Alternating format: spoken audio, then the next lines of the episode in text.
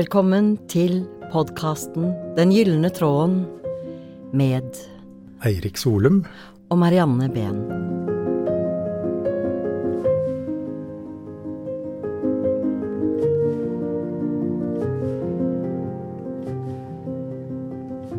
Eirik og jeg, vi sitter på Rød gård, på Galleri Rød. Og eh, dette galleriet ligger faktisk på Jeløya, i et veldig vakkert naturlandskap som jeg gleder meg over å komme til med jevne mellomrom. Og her er Eirik gallerist, og driver også en kafé. Ja, det gjør jeg. Og det var eh, det var her vi traff hverandre igjen etter at vi har jo truffet hverandre i mange år. Men du har jo et eh, nært forhold til Rød gård fra mye lenger tilbake enn da jeg kom hit for en tre-fire års tid siden. eh, og begynte å drive galleri og kafé, som du sier. Så eh, hvor lenge er det egentlig du har vært her fast, Marianne? Jeg tror faktisk at jeg begynte å komme hit, jeg. Helt uh, fra de startet med en liten kafé. Og etter hvert også kom jo ja, kunsthåndverk, som jo er i bygget her. Og så ble det kafé og galleri. Så jeg har jo vært her fra, i veldig, veldig mange år. Og også på Galleriet 15, som også var et sted som jeg søkte til. Både fordi jeg syns at naturopplevelsen er veldig stor her ute, og også det å kombinere kunst og natur. Og det å kunne hygge seg. For Galleriet 15, ja, det ligger jo på Alby gård, som ligger rett ved siden av her, bare for de som ikke kjenner til det. ja. Et fantastisk gård, det også. Og, og Rød gård, ja, det er jo som du sier et eh, besøksgård med mye kunsthåndverk og verksteder. Og i alle fall de som bor i området her, bruker mye når de er ute og går tur. Ja, og folk kommer tilreisende fra nesten hele landet for å oppleve kunst og kunsthåndverk, og da tar de også turen gjerne innom Alby og F15, Altså det er et fantastisk område hvis man er interessert i kunst og kultur, eller bare få en fin naturopplevelse. For det er litt sånn annerledes bare området her. Det skiller seg liksom ut fra nærmest resten av Norge, med steingjerder og løvskog. Og mange sier jo at de nærmest føler seg forflytta til eh, enten det er Danmark eller til og med høylandet i England. Ikke at jeg har vært der så mye, men jeg har sett bilder. Det minner jo litt om det. Tenker veldig på Irland og England, faktisk. Eh, nettopp dette med steingjerder, som jo også er på Larkollen, hvor jeg kommer fra. Jeg var veldig mye her uh, fordi jeg bodde jo i Moss i mange år. Så jeg var mye her sammen med barn og barnebarn. Og de elsket å komme hit. Og så hadde da gamle Mamen Han hadde da en rosehave. Og det var helt fantastisk, de rosene. Han stelte de veldig godt. Og med det lille, hyggelige huset hvor det lukta nybakst hver gang vi kom på søndagene, så ga jo det en veldig god følelse av velvære. Og jeg ble veldig glad når jeg oppdaget at du, Eirik, faktisk var blitt gallerist. Eier er du jo ikke helt, men gallerist. Jo da, be- begge deler. Begge deler. Så Ja, for det var jo i litt andre sammenhenger vi møtte hverandre før dette, for mange år siden. Enten det er eh, kanskje sent 90-tallet eller ja, i hvert fall for lenge siden. I eh, den mer alternative, spirituelle, alternative messeverden. Ja. Som jeg også holdt på med og jobbet med som både redaktør og leder for eh, mye av det som foregikk der. Og der var du også en aktør som jeg traff da. ja. Og jeg kom og ble invitert til å holde foredrag og hadde stand. Husker ja, særlig når jeg ga ut boken 'Stjerner og krystaller', og fortsatte jo å ha med både bok og krystaller i en periode. Og var jo med i denne store veksten som det var, fra en litt mindre alternativ festival til å bli ganske stort etter hvert på Lillestrøm. Med veldig mange besøkende og et yrende liv av mangfold innenfor det spirituelle. Fra spåkoner til eh, massører til ja, what not. Ja, virkelig fargerikt. Fantastisk spennende, det. Dette tenkte vi vel også å ha, snakke mer om i kanskje neste pod, om hele den verden og hvordan det har opplevdes og, og mye rundt det. Eh, men akkurat her i galleriet, så litt, eh, i litt nyere tid, så møttes vi jo her når Ari stilte ut her i 2019, i mai.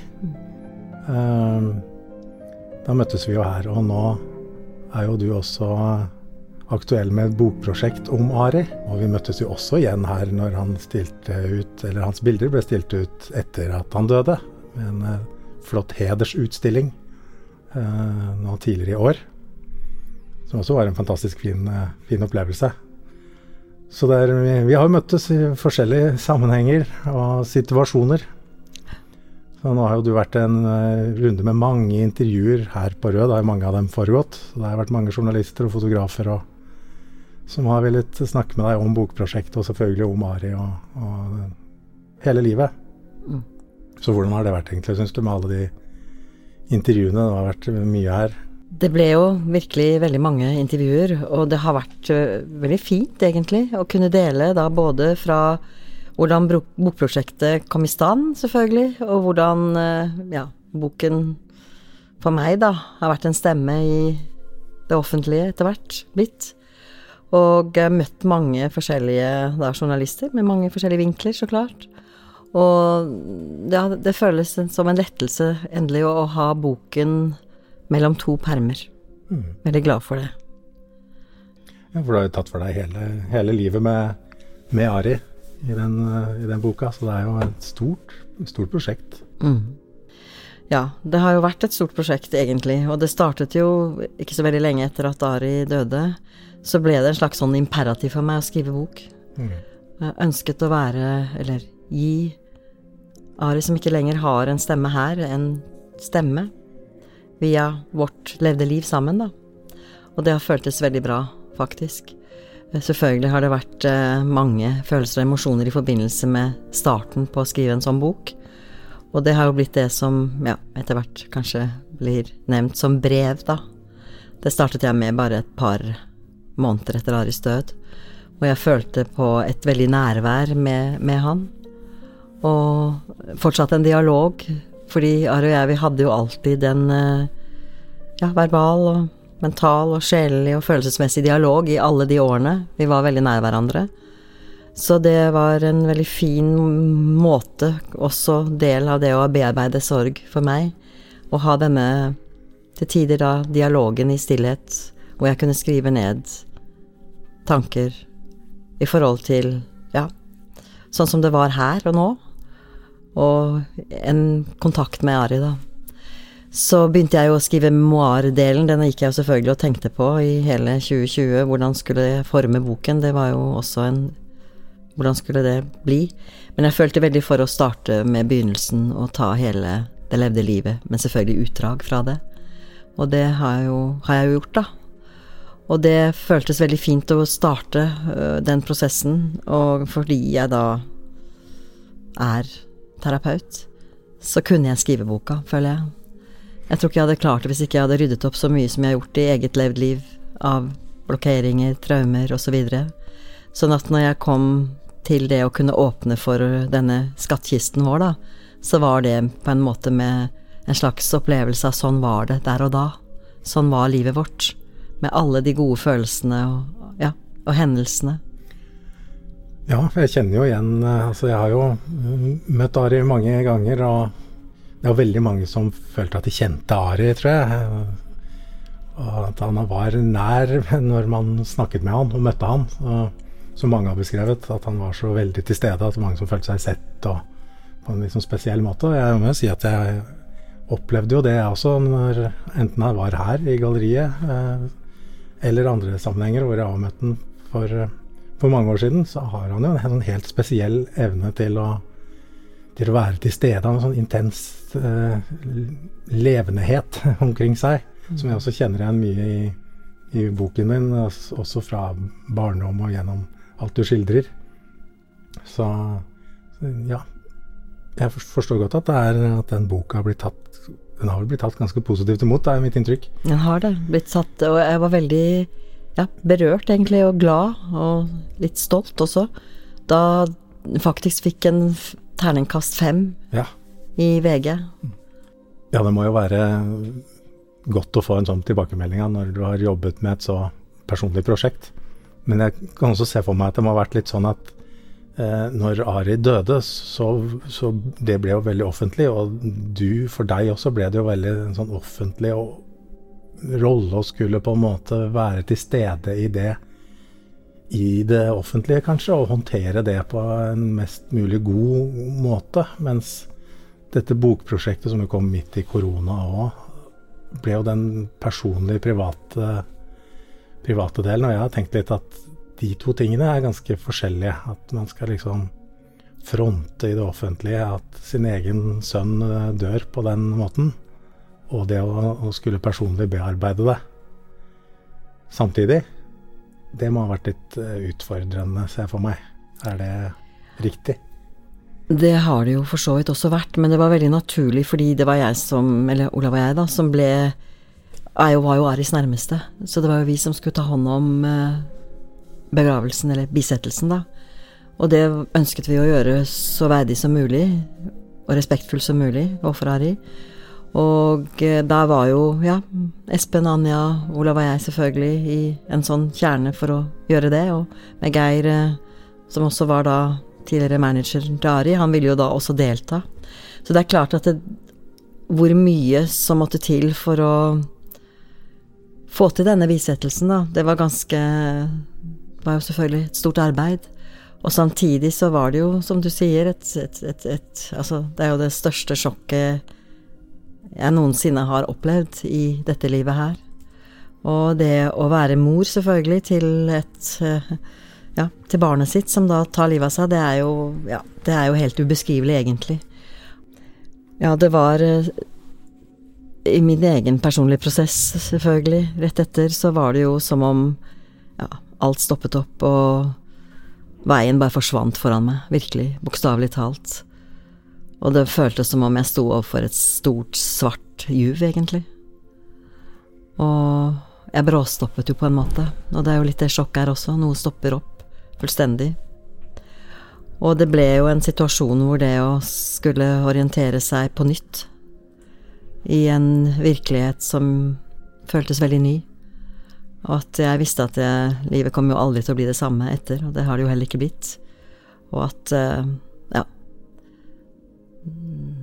ja, hvordan, hvordan finne, finne, finne nye muligheter og ny vei, det ble jo da min prosess, selvfølgelig. Og sakte, men sikkert så Ja, jeg skjønte veldig fort at uh, hva slags verktøy har jeg? Jo, hele tiden det å puste meg selv tilbake til, til kjernen min, rett og slett.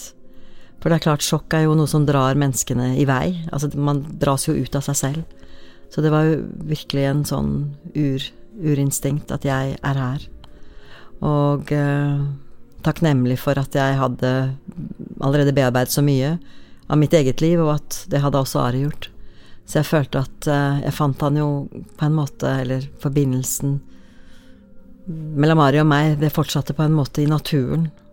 Allerede fra begynnelsen, eller første rett etter, altså i stjernenatten, som mitt nest yngste, eller nest eldste barnebarn spurte om jeg kunne være med han ut og se hvordan tåka hadde lettet, og det var stjerneklart.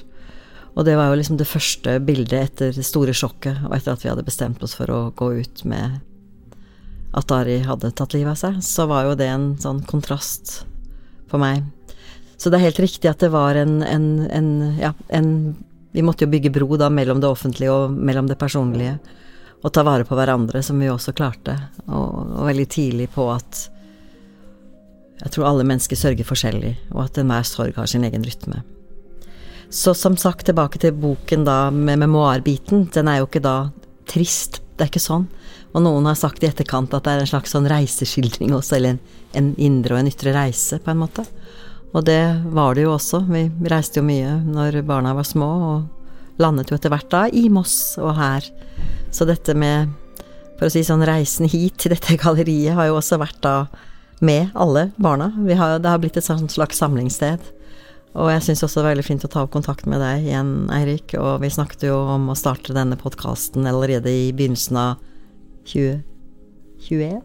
Det tror jeg vi gjorde, ja. Og det har vært en slags sånn på engelsk ordet 'sanctuary' for meg å komme hit, og det er det fortsatt. Og det har vært et trygt sted for meg, faktisk. Og da er du egentlig litt inne på det som er tittelen for denne podkasten, egentlig den gylne tråden, og hva vi kanskje legger i det. Og det er jo ja, noe av det som definerer dem vi er, kanskje. Det har å gjøre med. Altså hva er den innerste kjernen i oss, og det å få en kontakt med det, eller den, som er der inne. Eh, er du ikke enig i det? Altså at det som både dette stedet representerer, og også er med på å minne, minne oss om, eller jeg vet ikke hvordan det kjennes for deg, men om, om hva som er det viktige, hvilke verdier som er eh, innerst i oss. Det kreative og, og naturen. Jeg føler akkurat det, og, og, jeg tenker sånn eh, Ja, dette med at den gylne tråden tar, eh, tar meg, tar oss, tilbake til nettopp det innerste, på en måte. Og jeg tenker jo litt sånn billedmessig, nå er jeg jo ganske visuell av meg, så jeg tenker at livet kan jo ses som en stor vev med veldig mange tråder, og man vever forskjellige ja, tablåer, panoramaer, bilder gjennom et liv. Uh, og en vev har en forside og en bakside, ikke sant? Så det som skjer her, på en måte her, i disse dimensjonene her og nå, og hva som skjer på baksiden av tapetet, det er jo ganske, eller på baksiden av veven, det er ganske spennende og jeg tenker at denne gylne tråden også for meg har vært denne tråden som noen ganger så ser jeg den ikke, og andre ganger så kommer den til syne, og jeg kan på en måte følge den gylne tråden tilbake til meg selv, i mitt innerste vesen, men også til å finne veien. Og det var jo litt av det som jeg da beskriver helt til å begynne med, da, og etter hvert hvor jeg fant tilbake til en vei over en regnbuebro. Også visuelt, selvfølgelig, men sakte, men sikkert begynte liksom livet å få mer valører igjen. Og det fortsetter det jo også å gjøre, da. Og nettopp da med kunst og kultur og, og gode menneskemøter også. Mm. Ja, for du mener at for deg er det også sånn at kunsten kan på en måte være en uh, viktig brikke å komme tilbake til, enten man kaller den gylne tråden eller mm. til livet, på en måte da, eller? Ja, føler ja. det sånn. At mm. kunst er noe som tar meg veldig i kontakt med meg selv. Mm. Akkurat som natur og musikk og selvfølgelig meditasjon. Og jeg syns også det er veldig fint å tenke på da at uh, det har vært da en hedersutstilling med Aris uh, ja, verk her. Og samtidig så har det også vært en av de siste utstillingene som jeg var sammen med Ari på, var jo også her. Så ja, det er gode minner. Som igjen da på en måte gjør at denne gylne tråden kommer til syne, faktisk. Ja, jeg kjenner meg veldig igjen i det, at det med det kreative, enten det er kunst eller det er musikk, at det er da jeg blir minnet på hvem jeg dypest sett er, egentlig. At det er da man, jeg får satt språk eller uttrykk på hva som gjør at jeg kjenner meg levende, eller hva som gir livet næring, da. Ja, det er jo det at det gir en glød. Det er jo denne gløden å brenne for noe, ikke sant. Og der har jo også ja, kunst, kunstuttrykk Jeg har jo også bakgrunn som scenekunstner. Og det, jo, det, er jo noe med å ja, kjenne seg levende, da. Og med litt forskjellig valør, det å være levende til stede i naturen, men da også da både kunne oppdage eller dukke inn i andres kunstverk. Men også det å kunne selvfølgelig uttrykke selv, da. Jeg kjente jo også det å være i denne skriveprosessen for meg nå. Det har jo gitt mersmak. Jeg har jo skrevet to bøker før også, men ja, jeg kjenner at det, det også gir denne gløden. Gjør det. Å skape noe. Ja, skape noe. Gjør det. Ja, for meg er det sånn det skal ikke alltid så mye, så mye til uh, for å få den opplevelsen. Ja, nå sitter vi jo her inne i galleriet, altså her kommer jo andre kunstnere med, med kunsten sin. Og bare det å få være med å, komponere, altså Noen bruker det store ordet kuratere, og jeg snakker ikke engang om noe sånt nå. Jeg snakker kanskje bare om hvor, hvor passer de ulike bildene. Bare det er Eh, noe som gir nok eh, glede eller eh, inspirasjon til at jeg føler at det er en viktig del av å være med å skape noe. Det er akkurat det det er, vet du. Det er det som er, og det, det å liksom leve i dette feltet, og denne gløden som det skapende gir, da, syns jeg er veldig flott. Og jeg er også så glad for at ja, både Espen og Anja valgte da gjennom sin bearbeidelse av sorg, da, valgte virkelig å ta Aris kunst videre. Selvfølgelig sammen med Galleri Art Design og ja, Martha Louise på vegne av barna, men det er liksom de var pådrivere for dette, da. Og at de ønsket å liksom løfte den delen som har vært uh, veldig viktig for ja, alle barna mine og for meg hele livet, egentlig. Dette med det kunstneriske, eller ja, kunsten som næring, som du sa i sted også. Og det er mange som kjenner seg igjen i, tror jeg. Altså når uh, den utstillingen du nevner, da, var her, så var det jo fullt hus. Uh, det er klart at dette er en hendelse som mange har et forhold til, men allikevel. altså det er sterke opplevelser i møte med kunsten og de historiene de, som blir fortalt, eller de opplever at blir fortalt. Det kommuniserer voldsomt kraftfullt. Mm. Så, så, jeg tror enten man er spesielt interessert i kunst eller, eller ikke, så tror jeg at det er noe med det kreative uttrykket som har et språk som uh, går bakenfor ordene. Det er det. Det er det vel ingen tvil om. Det går bakenfor, ja. det gjør det. Og jeg tenker også at det, det er jo så interessant også tilbake til Ari, som da startet ut Kunne gjort begge deler fra begynnelsen av, men han ønsket jo da virkelig å, å, arbeide som forfatter. Og det var jo noe han også levde for, og ble jo kjent som forfatter allerede før han traff Märtha, for å si det sånn, og, og et ja, elsket og utfordret på en måte av media, da, gjennom de årene. Men eh, han hadde jo også denne andre delen av seg, denne fargerike, kreative, uttrykksfulle delen. Og for han så var jo det også en veldig balanse, da, mellom de to delene av seg. Og han var jo sånn som Ja, han var jo ja, elsket det kreative også, være i matlaging og høre på musikk. Og det deler jo jeg også, kanskje du også. ikke sant, Dette med musikken også, ikke sant. Altså hvor, hvor det også binder menneskene sammen, tenker jeg. Altså i det ordløse farger og lyder og klanger, ikke sant? Veldig. Mm. Nå er vi egentlig litt inne på noe annet vi har tenkt å bringe inn i denne podkasten. Det er noen spørsmål vi også skal gå litt gjennom, for vi skal også ha noen gjester. Uh, og vi har jo kanskje allerede vært uh, innom ett av de viktige spørsmålene her, er nemlig om man har hatt noen avgjørende vendepunkter i livet. Der har du nå egentlig beskrevet noe som opplagt har vært et sånt, uh, sånt vendepunkt. Og så er det òg dette med hva inspirerer deg, og hva får deg til å føle at du lever. Det er jo, i hvert fall for meg, er det jo nettopp disse tingene her, altså. Med det kreative, og, og føle at man har kontakt med noe som er i bevegelse. Noe som skaper noe. Uh, som er i kommunikasjon med andre mennesker. Det er viktig for meg. Ja, og det er jo også veldig viktig for meg, kjenner jeg. Virkelig. Det er på en måte det som gir da det gjør livet verdt å leve.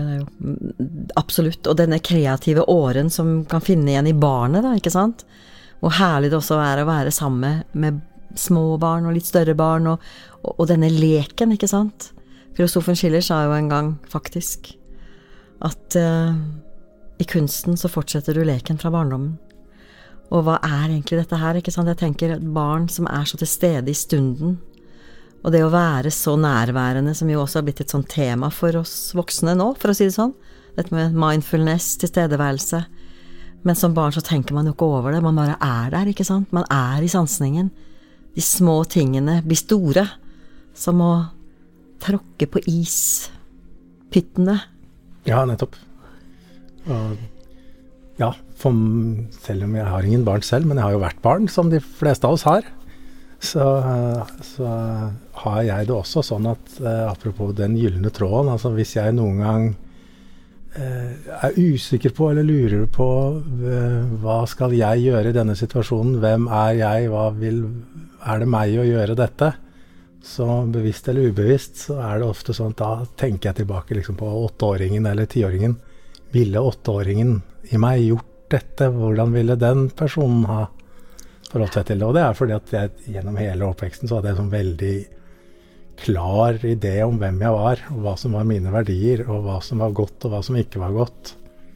Og ja Som, som jeg aldri tvilte på, tror jeg, i hvert fall sånn jeg husker tilbake på det. Så, så hvis jeg skal prøve å finne den gylne tråden hos meg, så er det Da spoler jeg tilbake til den jeg var i, i oppveksten. For da var det, sto det veldig klart for meg. Fortsatt veldig god kontakt med det, men etter hvert som jeg blir eldre, det er da det kan være litt mer som en oppgave å prøve å finne veien, finne veien hjem, som noen kaller det. Som sikkert vil vedvare livet ut. Men, men dessverre, på, eller kanskje på godt og vondt, så er det så kjenner jeg det litt sånn at det er en oppgave når man blir voksen, er å prøve å ha kontakt med den gylne tråden, da, som var mye lettere når jeg var liten, eller før jeg ble voksen. Mm. Jeg vet ikke åssen du har det med det. Jeg har det vel akkurat sånn, for å si det sånn. Jeg følte også at jeg var veldig klar på hvem jeg var fra jeg var veldig liten. Altså denne kjernen, denne opplevelsen av I am, som han sier på, i, det engelske. Jeg er. Og jeg tenker at nettopp da med, med livets mangfold og livets vev, når man jo vandrer igjennom eh, veien, så er det jo klart at man møter jo mye og støter på mye, og det å ha denne muligheten da til å fange opp igjen det som på en måte betyr noe, og igjen dette med å finne veien tilbake inn, eller veien hjem, da, men også veien man går på. Og jeg tenker at det å føle Når jeg føler at jeg liksom er på denne veien som jeg ønsker å være på, så er jo det også en, en opplevelse av nettopp glød, lidenskap, følge denne hjertetråden, da, denne gylne tråden. Det som gir mer. Det er vel også det noen kaller den Når du kommer i flytsonen, da er du i nær kontakt med kjernen av deg selv. Så er det jo et spørsmål av hvor, hvor kommer den fra? Det jo, blir jo nærmest litt sånn filosofisk. Uh, men jeg er litt sånn at jeg føler at den har vært der fra første øyeblikk, eller så langt tilbake jeg kan huske. Det er det, og det tenker jeg også nettopp fra første øyeblikk jeg kan huske. Så tenker jeg litt på dette her med flytsonen og alt dette vi nå snakker om er jo opplevelser, ikke sant? Det er jo virkelig eh, ja, opplevelser, følelser, muligheter, mm. ikke minst. Og jeg tenker på dette her, vi sier jo gylne tråd, men vi sier jo også de gylne øyeblikkene i livene våre, ikke sant? Hvor tiden plutselig står stille. Det, og jeg tenker sånn at når øyeblikk møter evighet. Det er en slags sånn lykkefølelse, egentlig. Kan være. Mm, enig.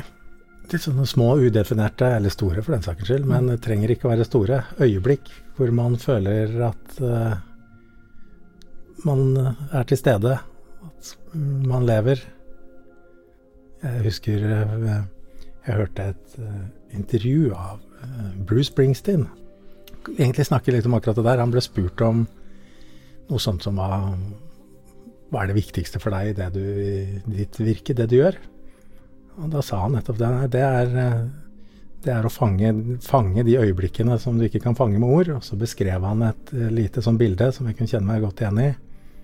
Han så vel for seg et amerikansk hjem, men han sa at når du, når du var liten og du kanskje kom hjem fra du hadde vært ute, så kommer du hjem og du nærmer deg oppkjørselen, driveway, og du ser bare lyset faller og skyggene faller på en spesiell måte. Du husker godt temperaturen rundt deg, du så kanskje bare opp på inngangsdøra. Det er hele bildet, men du husker det fortsatt en dag i dag, 40 år etter. Det var ingenting som skjedde. Det var bare et sånn lite magisk øyeblikk. Å fange de øyeblikkene, that's what I'm paid for, sa Mr. Springsteen.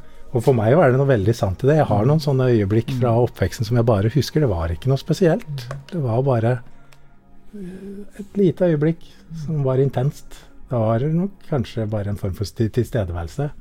Det var noe perfekt i øyeblikket som festa seg.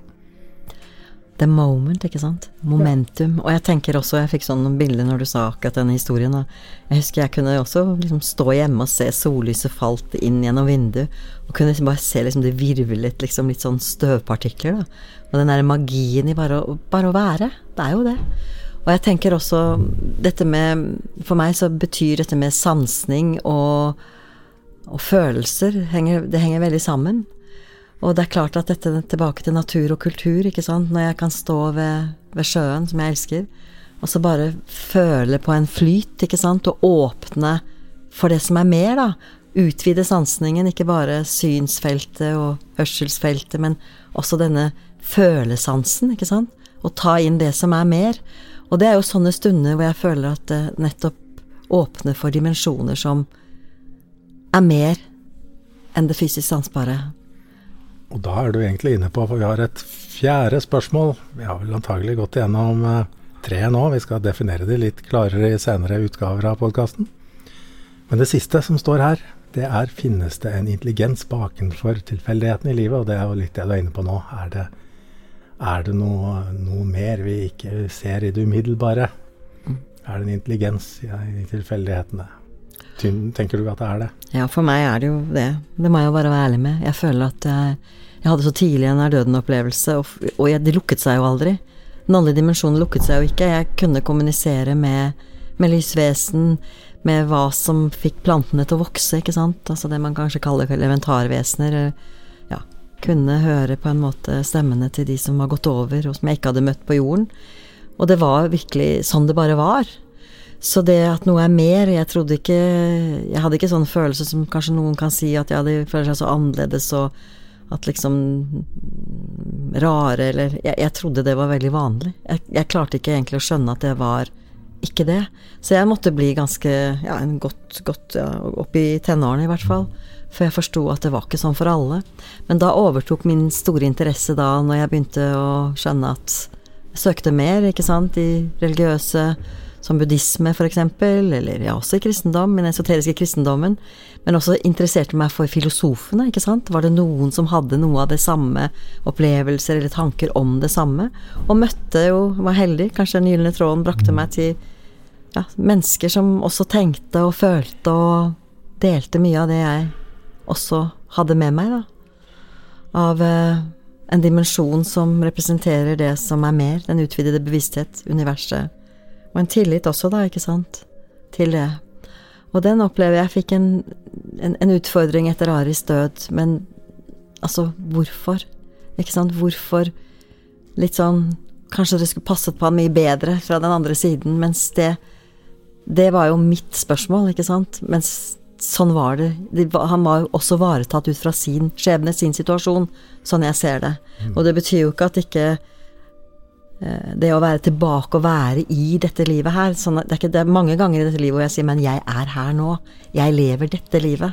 Jeg hadde en innmari sterk åndelig opplevelse når barna var små, var rett etter Anjas fødsel, hvor jeg virkelig fikk reise i disse utvidede dimensjonene, og det var altså bare Det var ren kjærlighet og utrolig sterk intensitet av farger og former og nærvær. Men da var det sånn Jeg er her, jeg skal være her med barna mine, med alt det det innebærer å stå på jorda, være på jorda. Og et par måneder etter Aris død, kanskje en og en halv måned etter, så fikk jeg også det der imperativet igjen.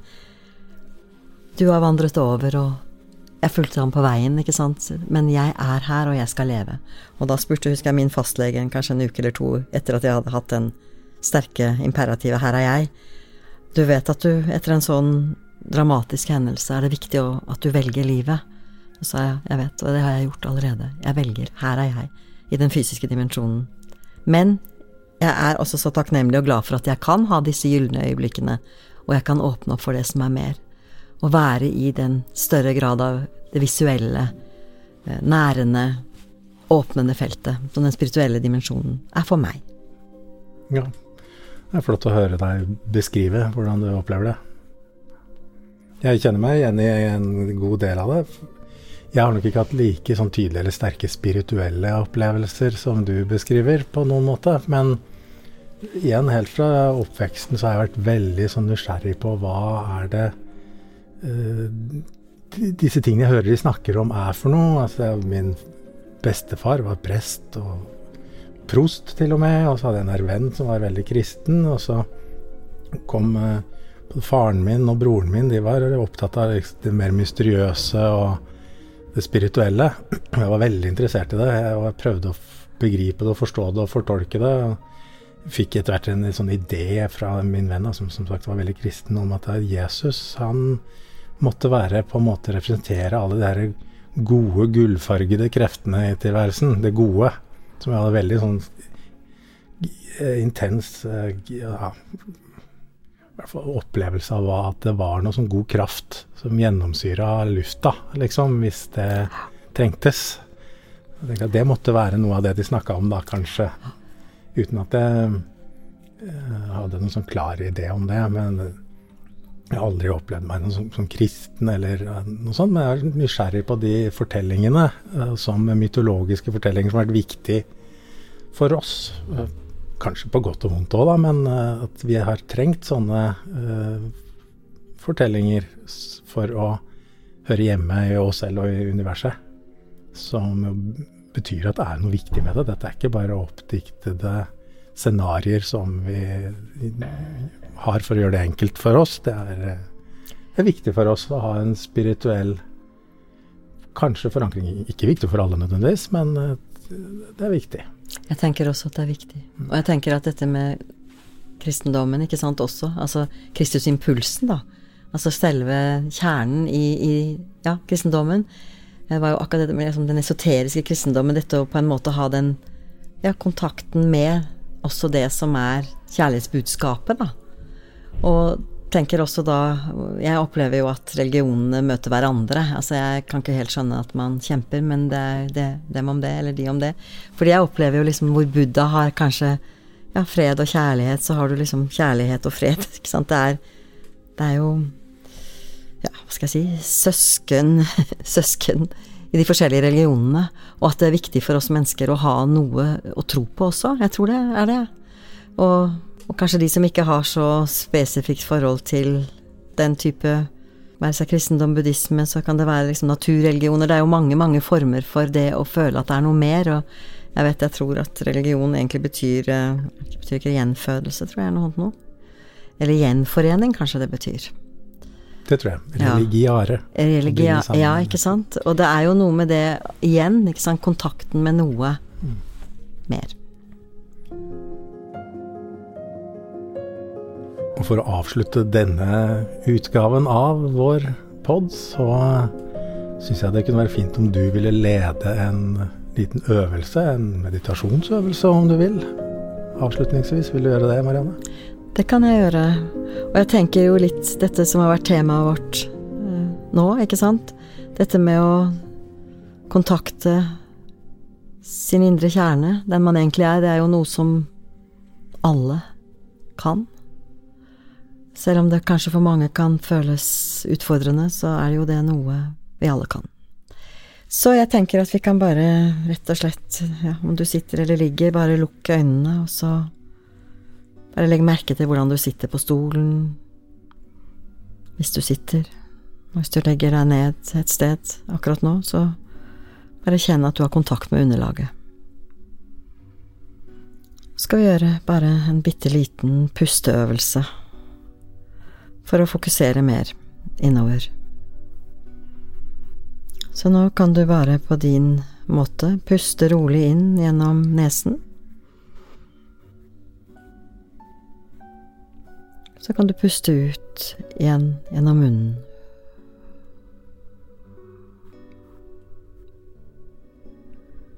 Så gjentar du bare puste inn gjennom nesen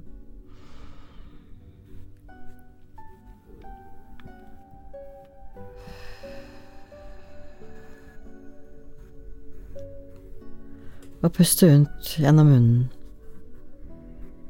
Og nå på innpust så kan du se hvor langt du kan telle fra én og oppover.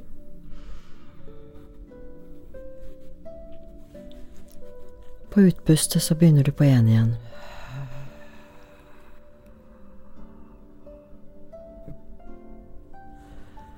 Og så kan du vende blikket enda litt dypere innover, kjenne, føle etter om hvordan det er akkurat nå i kroppen din, i hvordan har sjelen din det, hvordan kjennes det? Og bare legg merke til føttene dine, leggene, lårene. Hvordan føles det, eller hvilken kroppsfornemmelse har jeg akkurat nå? Så kan du fortsette oppover gjennom hele kroppen.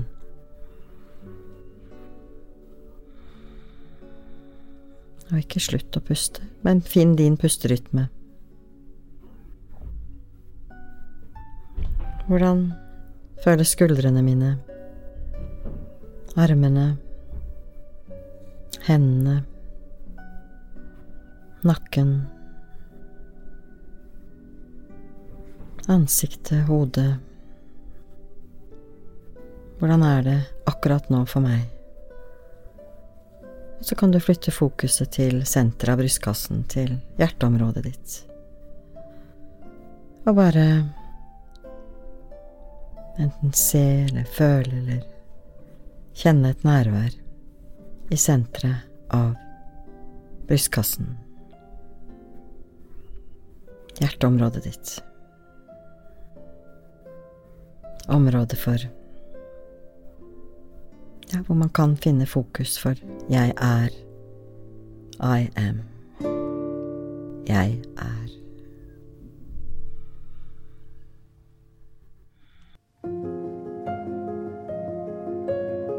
Hvis du eller noen du kjenner sliter med selvmordstanker, så finnes det døgnåpne hjelpetelefoner hos Kirkens SOS 22 40 00 40 og hos Mental Helse 116 123.